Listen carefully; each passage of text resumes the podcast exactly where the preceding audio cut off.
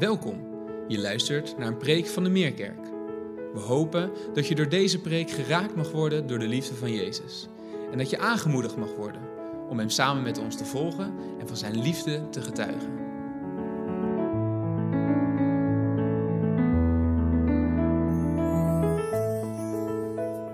Goedemorgen allemaal. Goed elkaar weer te zien. En wat een prachtig verhaal, hè? Jozef. We kennen het allemaal wel. De dromen koning. Eeuwenoude verhaal uit Genesis. En dat is een verhaal wat vaak verteld wordt hiernaast aan onze kinderen. Maar hoe goed om elkaar ook deze verhalen te blijven vertellen. Ik dacht, de zomer is misschien wel de uitgelezen kans om hierbij stil te staan. Het verhaal van Jozef. Want waarom Jozef? Waarom Jozef? We kunnen zoveel leren over God en de manier waarop Hij te werk gaat in mensenlevens. Over God en hoe Hij zijn plannen werkelijkheid doet worden. En dat is goed om daarvan doordrongen te raken. En daarom wil ik niet één zondag, maar twee zondagen met jullie daarover nadenken. Vandaag en over twee weken. En vandaag wil ik nadenken over de vraag waarom. Waarom staat dit verhaal überhaupt in de Bijbel?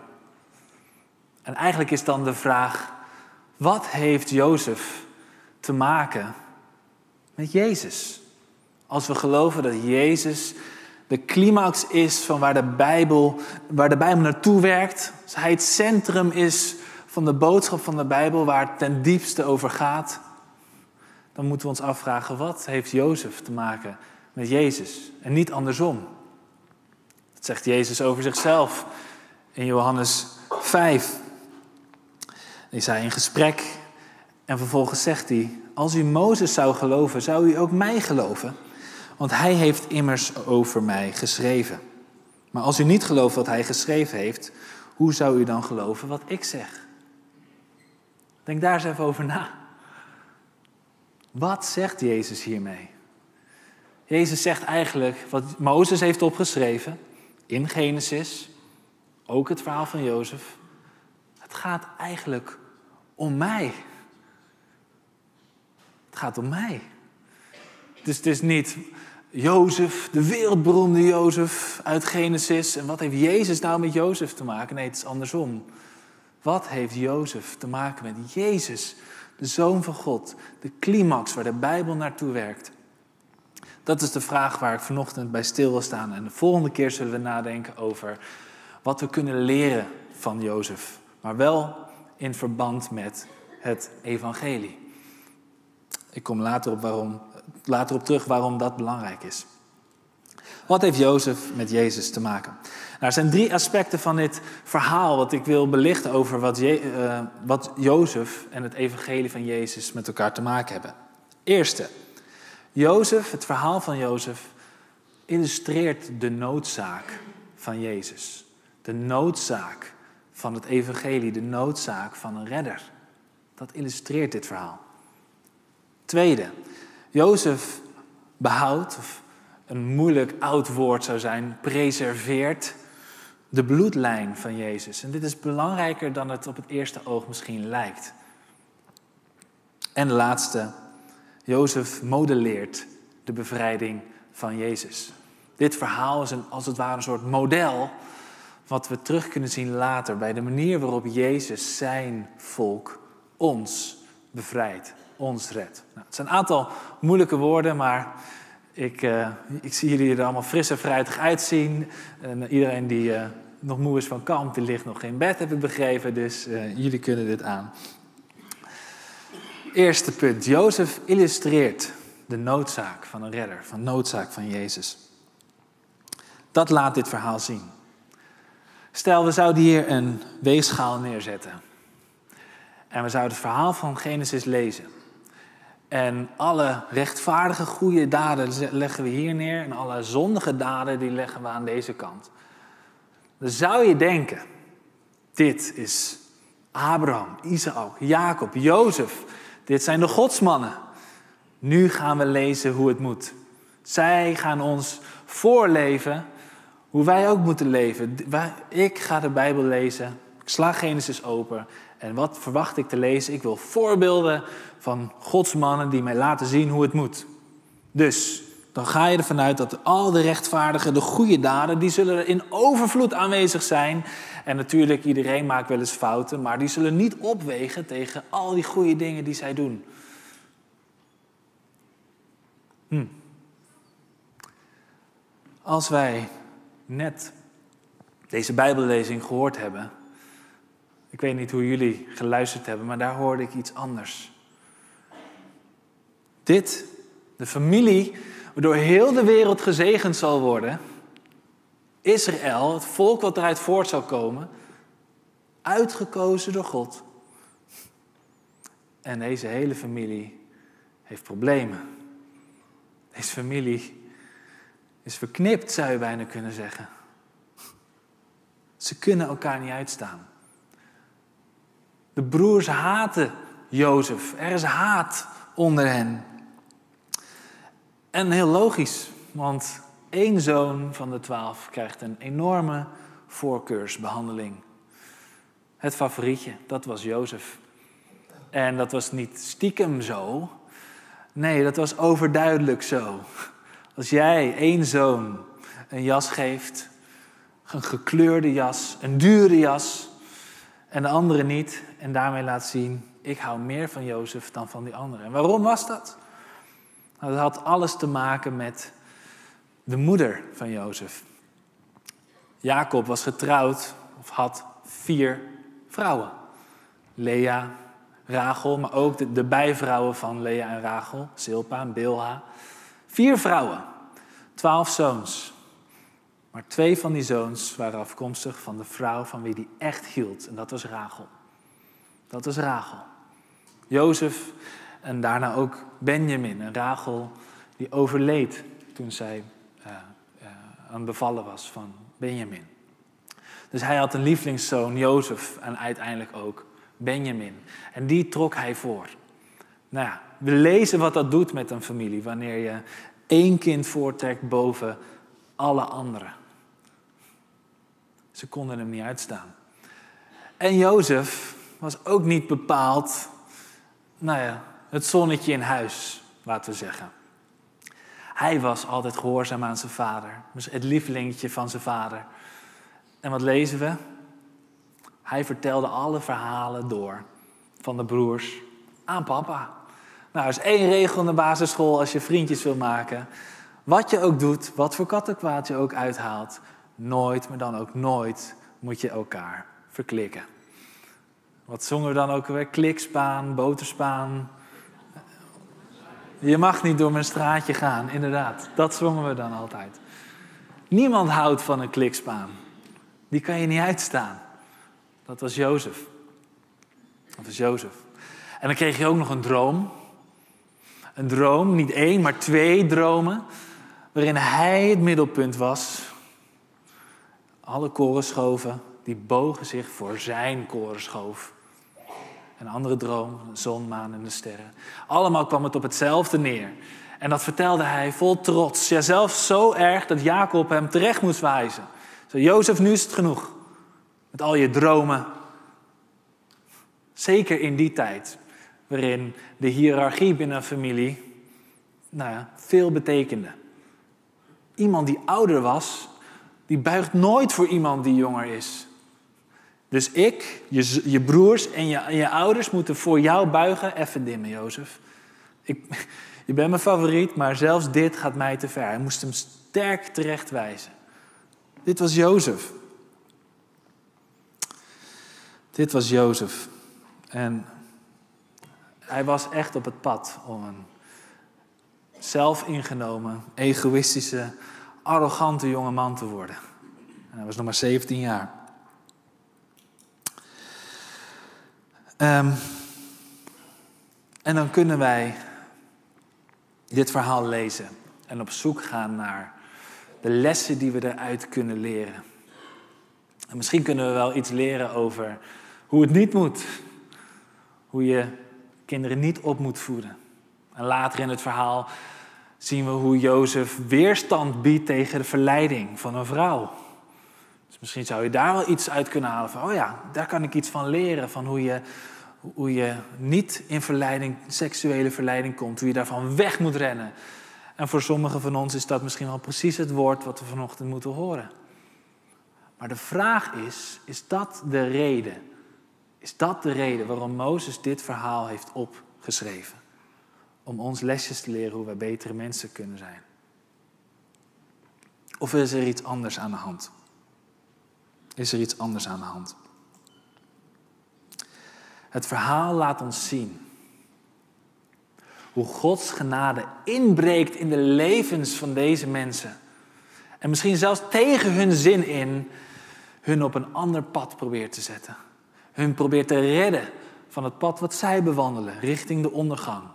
Een pad van haat, van bitterheid, van arrogantie. God grijpt in. Zijn genade staat centraal. God is de hoofdrolspeler. Het werk wat Hij doet in deze familie en door deze familie heen voor alle volken. Dat is wat centraal staat in het verhaal van Jozef. Daarom zeggen we ook, het evangelie, wat betekent dat letterlijk? Betekent goed nieuws. En als we de Bijbel openslaan, is dat wat we kunnen verwachten. Goed nieuws en geen goed advies. Nou, als je dit doet, als je dat vermijdt. En nogmaals, het is niet erg om dingen te leren. Het is, blijft Gods woord. Goed, goede tips, goede advies voor je leven, hoe je een beter leven kunt leiden. Maar dat is niet het punt van het verhaal. Het punt van het verhaal is, ze hebben een redder nodig. Zij en met hen ook wij. Want wij staan er niet heel veel beter voor dan zij. Helaas herkennen we veel van onszelf als we de Bijbelverhalen lezen van het Oude Testament. En steeds weer worden we erbij bepaald. Wij, jij, ik, wij hebben een redder nodig. Een redder. De hoofdrolspeler in dit verhaal is niet Jozef, het is God. Dat is de reden waarom Jozef dit allemaal moet doorstaan. En waar is God mee bezig? En dat is het tweede punt. Waar is God nou eigenlijk nu mee bezig in dit hele verhaal? Wat God aan het doen is, hij probeert zijn plan te voltooien. En wat is zijn plan? En dat weten wij. Wij kunnen, als we naar het Oude Testament kijken, kijken we eerst door het Nieuwe Testament, door het Nieuwe Testament heen. We kunnen het Oude Testament niet lezen zonder Jezus. Dat is uiteindelijk waar het naartoe werkt. Dat is het plan. En wat is God aan het doen? Hij behoudt de bloedlijn van de Messias. Als met Abraham beloofd is, ik zal alle volken zegenen, dan weten we nu dat gaat van geslacht op geslacht. En wie was de voorouder van Jezus? Van alle broers was niet Jozef. Was Juda. Daarom wordt Jezus de leeuw van Juda genoemd. Hij is afkomstig uit de stam van Juda. Dat is wat God aan het doen is. Hij behoudt de levens van deze familie. In het bijzonder het leven van Juda. Want God is ergens mee bezig. Hij probeert de wereld te redden. Door Juda heen. En waarom Juda, denk je dan? Wat, is, wat maakt hem dan zo bijzonder? He? Jozef is toch de hoofdrolspeler van dit verhaal. Het gaat toch om hem? Waarom Juda? Juda is notabene degene die het idee had om hun broer te verkopen. Dat is dan niet een fijn mannetje. Waarom Juda? Ik wil met jullie lezen uit Romeinen 9, vers 10 tot en met 12. Wat we daar lezen is dit. Paulus aan het woord. En die zegt, midden in een reden, sterker nog, Rebecca was van onze vader Isaac zwanger van een tweeling. En al voor ze geboren waren en iets goeds of slechts gedaan hadden, werd haar gezegd: De oudste zal de jongste dienen. Zo blijft Gods besluit van kracht. God kiest een mens niet uit op grond van zijn daden. Hij kiest hem uit omdat hij hem roept. Zie je dat? Niet op basis van de daden van Juda. Dat hij zegt, hem moet ik hebben. Nee, het is Gods wilsbesluit. Hij mag bepalen en hij kiest Abraham. Hij kiest Jacob boven Esau. Hij kiest Juda en niet de oudste zoon. Waarom? God is bezig met zijn plan om de wereld te redden. En hij doet de dingen anders dan wij misschien zouden verwachten. Dat is wat hij aan het doen is. En hij regisseert dit verhaal. Want dit is dus gaande. Juda, de hele familie moet behouden worden, maar er komt een hongersnood aan. Er komt een hongersnood aan. En God regisseert ieder evenement in zijn leven, zodat zij niet om zullen komen van de hongersnood. We kennen het verhaal, het is zo'n mooi verhaal. Helaas konden we niet 14 hoofdstukken lezen, want dan zou de dienst toch voorbij zijn. Maar alsjeblieft, lees het thuis nog een keer na voor de volgende keer dat we het hebben over Jozef. En dan lezen we dat hij verkocht wordt als slaaf, moet werken voor Potifar, de commandant van de farao, hoge pief. En het ging goed met hem bij Potifar, werd goed voor hem gezorgd, hij had een goede, hoge functie. Hij, alles was van hem, behalve één ding. Zijn vrouw. Daar mocht hij niet aan zitten. En dat wilde hij ook niet. Dat probeerde hij ook helemaal niet. Maar we lezen dat Jozef er knap uitzag. Knappe vent. Een mooi gezicht en een mooi lichaam. Beide wordt het genoemd, net als zijn moeder. En de Potiphar, vrouw, die zag dat. En blijkbaar was Potifar veel weg. En zij probeerde hem te verleiden. Kom nou, kom. En keer op keer, dag na dag, weerstaat Jozef die verleiding. Tot het moment dat zij haar kans zag. En ze greep hem vast. Maar hij wist weg te glippen. En het enige wat ze in haar hand had, was zijn bovenkleed. Wat moet ik nu? Ik heb zijn bovenkleed in mijn hand. Ze gilt. De bewakers komen eraan en ze draait het verhaal om. Ze zegt dat Jozef haar wilde grijpen. En zo belandt Jozef in de gevangenis. En in de gevangenis zien we hetzelfde. We lezen constant dat, dat God Jozef bijstaat. En ook daar, de gevangenisbewaarders, die lopen met hem weg, bij wijze van spreken. Die hadden geen omzien naar hem. En daar ontmoette hij twee andere gevangenen. De bakker en de schenker. De bakker en de schenker. En allebei hadden ze een droom. En daar kwamen ze achter dat bijzondere talent van Jozef. Dat hij dromen kon uitleggen. En hij voorspelde precies wat er met hun leven zou gebeuren. Wat die dromen betekenden. De bakker, daar eindigde het niet zo goed voor. Die werd opgehangen, kopje kleiner gemaakt. Maar de schenker, die mocht weer uit de gevangenis en die mocht weer aan het werk wijn schenken bij de farao. En hij vroeg nog aan de schenker, denk je wel aan mij als je weer bij de farao komt? Maar de schenker was hem al lang vergeten. Die dacht, top, ik heb mijn baan weer terug. En dan lezen we dat er twee volle jaren overheen gaan. Twee jaar in de gevangenis. Dat is één zin hè, in de Bijbel. Twee jaar. En de farao werd geteisterd door twee dromen. En hij kon niemand vinden die die dromen uit kon leggen. Totdat de schenker opeens dacht, oh ja, die, die Jozef uit gevangenis, die kon mijn droom uitleggen. Misschien weet hij ook wel wat uw droom betekent. Zij werd erbij geroepen en ja hoor, de rest is geschiedenis. Hij legt de droom uit. Hij weet precies wat de zeven dikke, gezonde koeien en wat de zeven magere koeien betekenen. Hij legt uit dat er zeven jaar komt van voorspoed, goede oogsten, overvloed, veel eten. En daarna zeven jaar van hongersnood. En God wist al waar dit op zou uitlopen.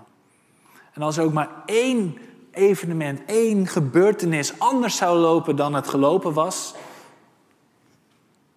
dan was het einde oefening voor Jozef, was het einde oefening voor Jacob en zijn zonen. Alles moest precies op deze manier gebeuren. En het gebeurde ook. Dat is toch bizar? De manier waarop, Jezus, uh, waarop God Jezus dit leidt. De leidende hand van God. En nu komt het punt.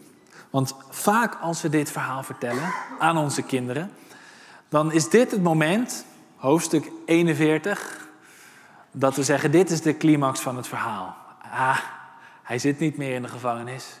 Nee, hij mocht uit de gevangenis en hij wordt de onderkoning van Egypte. Dat, kijk eens, kijk eens. Wauw, wat een succesverhaal. Van slaaf tot koning. Wauw.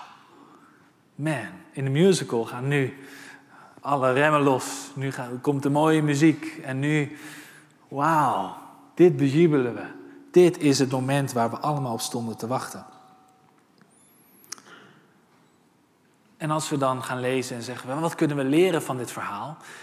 Ja, God, Jozef was God gehoorzaam. Zie je wel, als je God maar gehoorzaam bent, dan zal hij je uiteindelijk zegenen met macht, status. Hij kreeg een gouden ketting, hij kreeg de mooiste kleren, hij kreeg rijkdom. Zie je wel? Dat is niet het evangelie. Dat is, jij moet goed geloven en dan zal God je zegenen. Dat is niet het verhaal van Jozef. Dat is helemaal niet het verhaal van Jozef. Niet als we in ons achterhoofd houden wat God eigenlijk aan het doen is. Die positie als onderkoning, wilde Jozef die wel? Was dat zijn droom?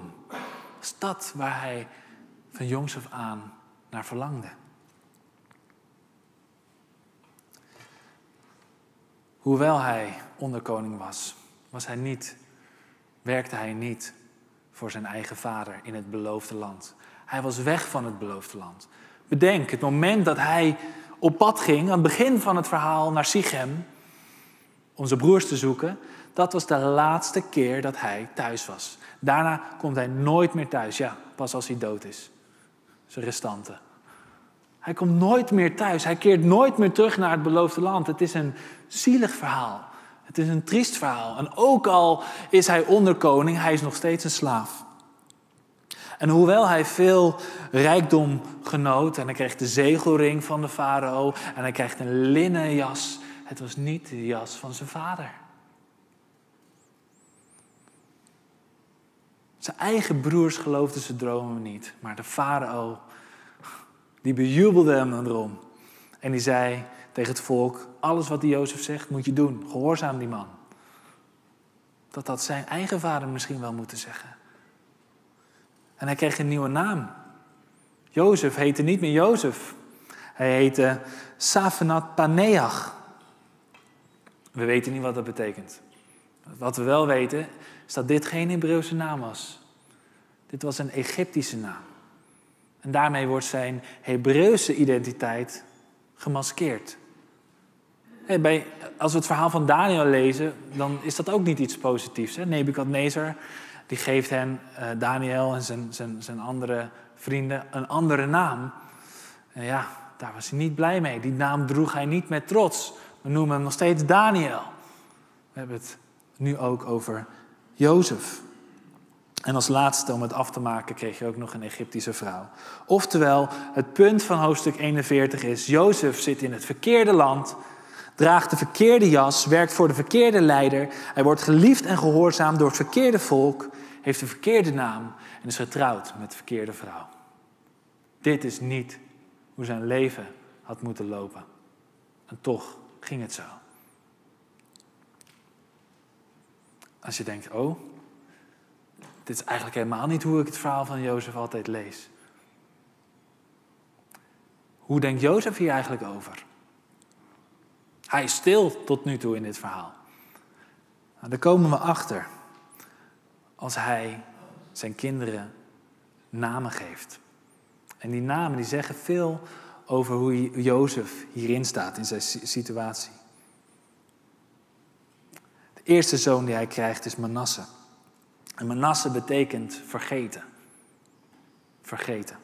En dan staat erbij, zijn eerstgeborene noemde hij Manasse, omdat God hem al zijn ellende en het gemis van zijn familie had doen vergeten.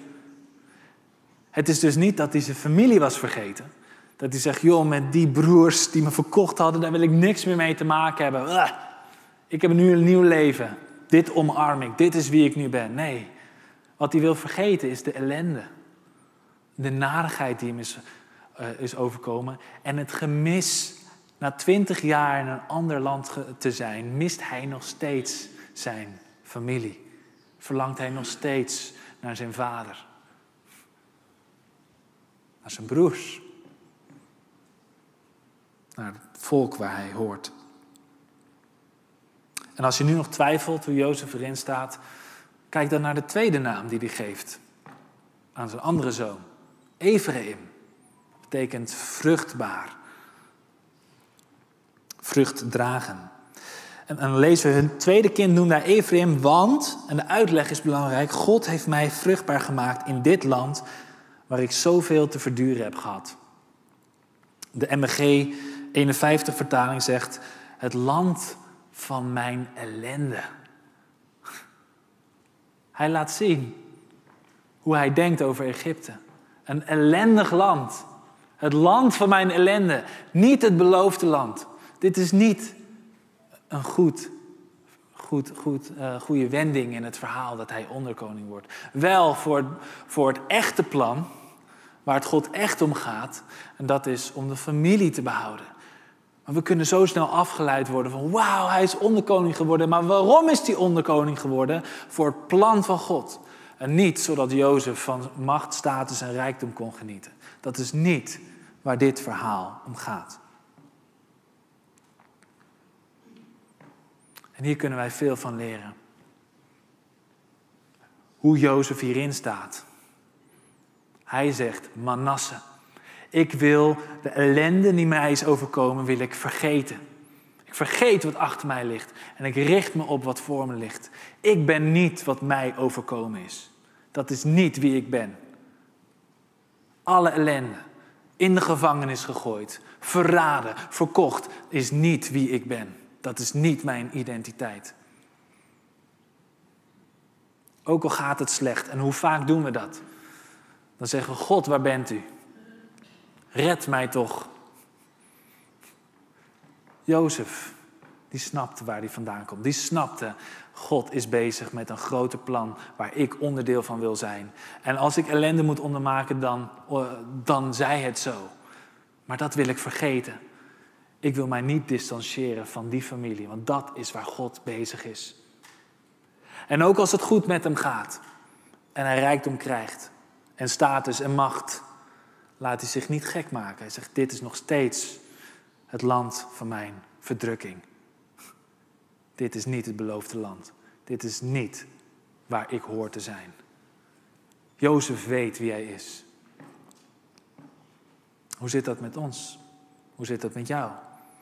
Weet jij wie jij bent in Christus? Behoor jij Hem toe?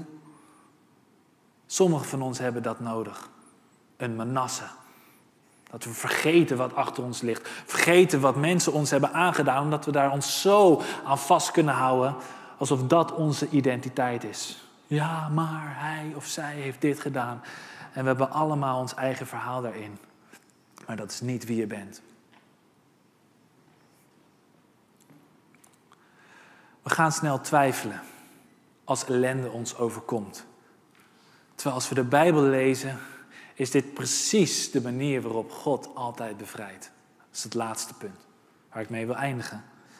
Het verhaal van Jozef is het model voor hoe Jezus de wereld redt en ons allemaal bevrijdt.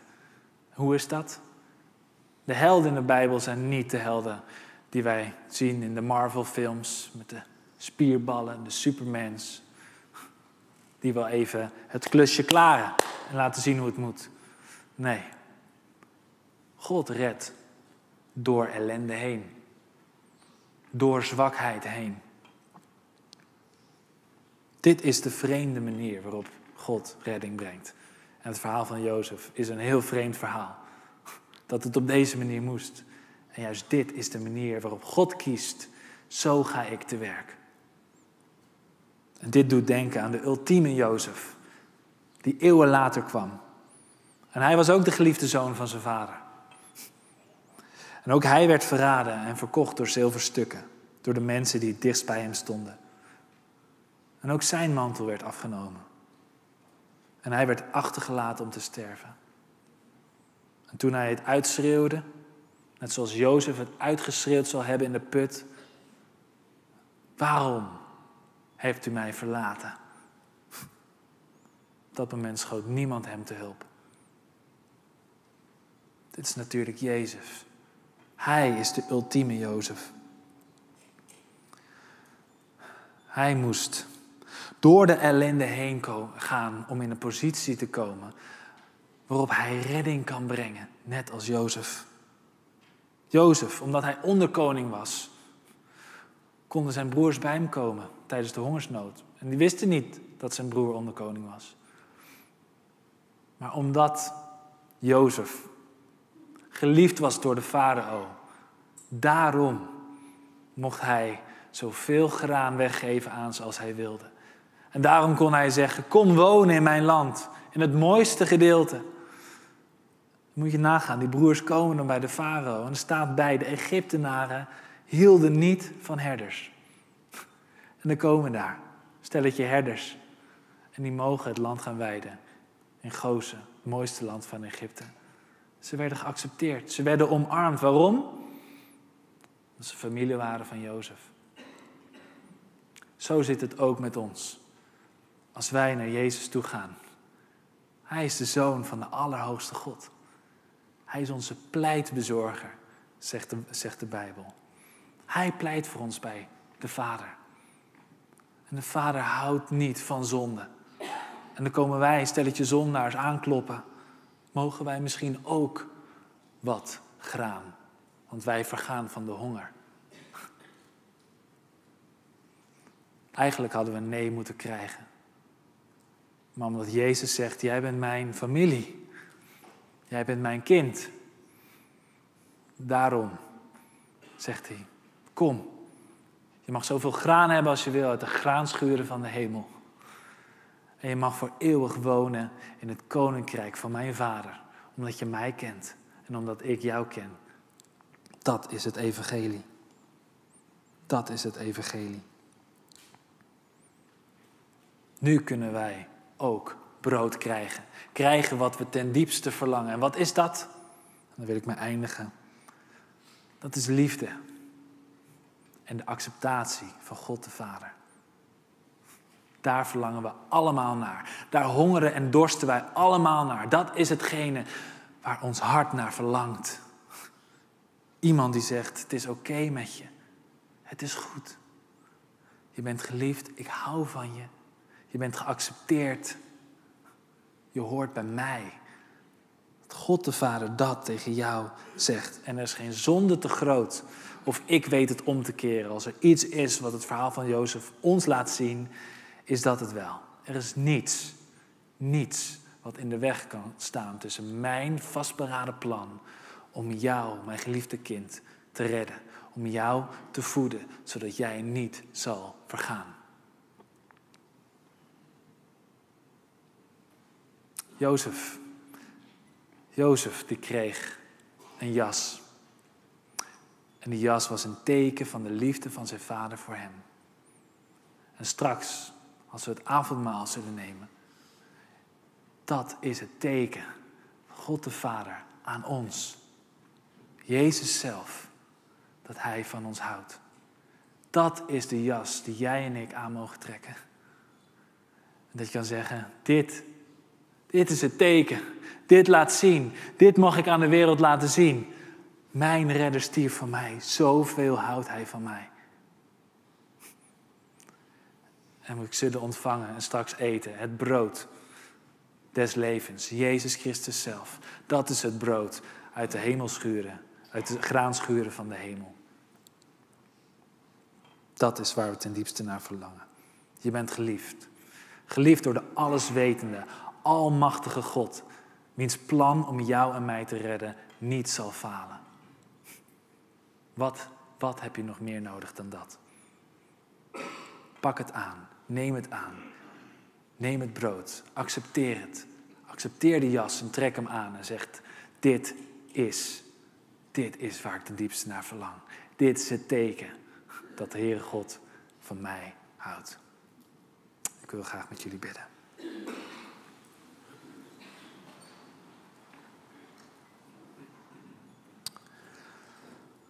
O Heer, dank u wel.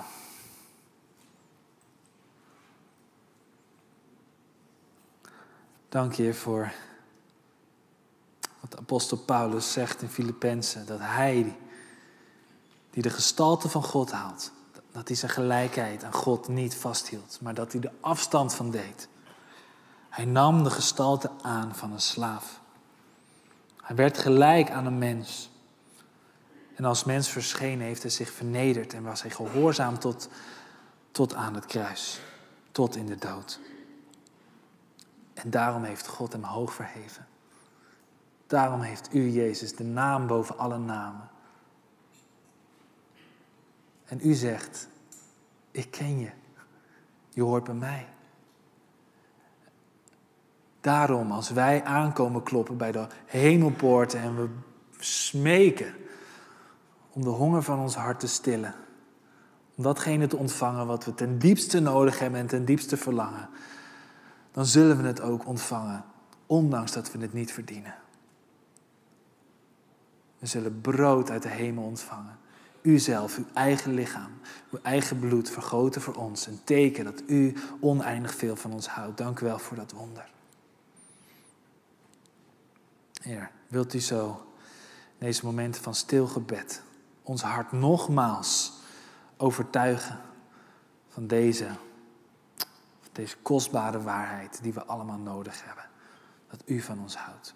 Wilt u dat doen in stil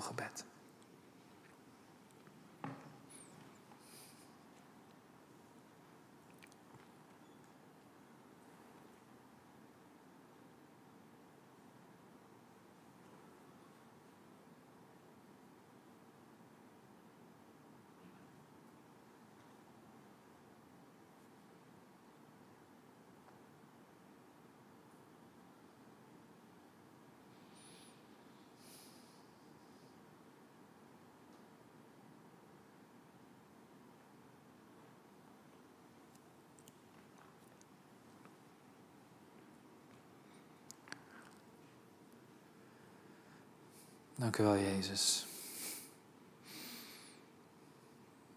Dank u voor uw liefde. Dank u voor het teken van brood en wijn.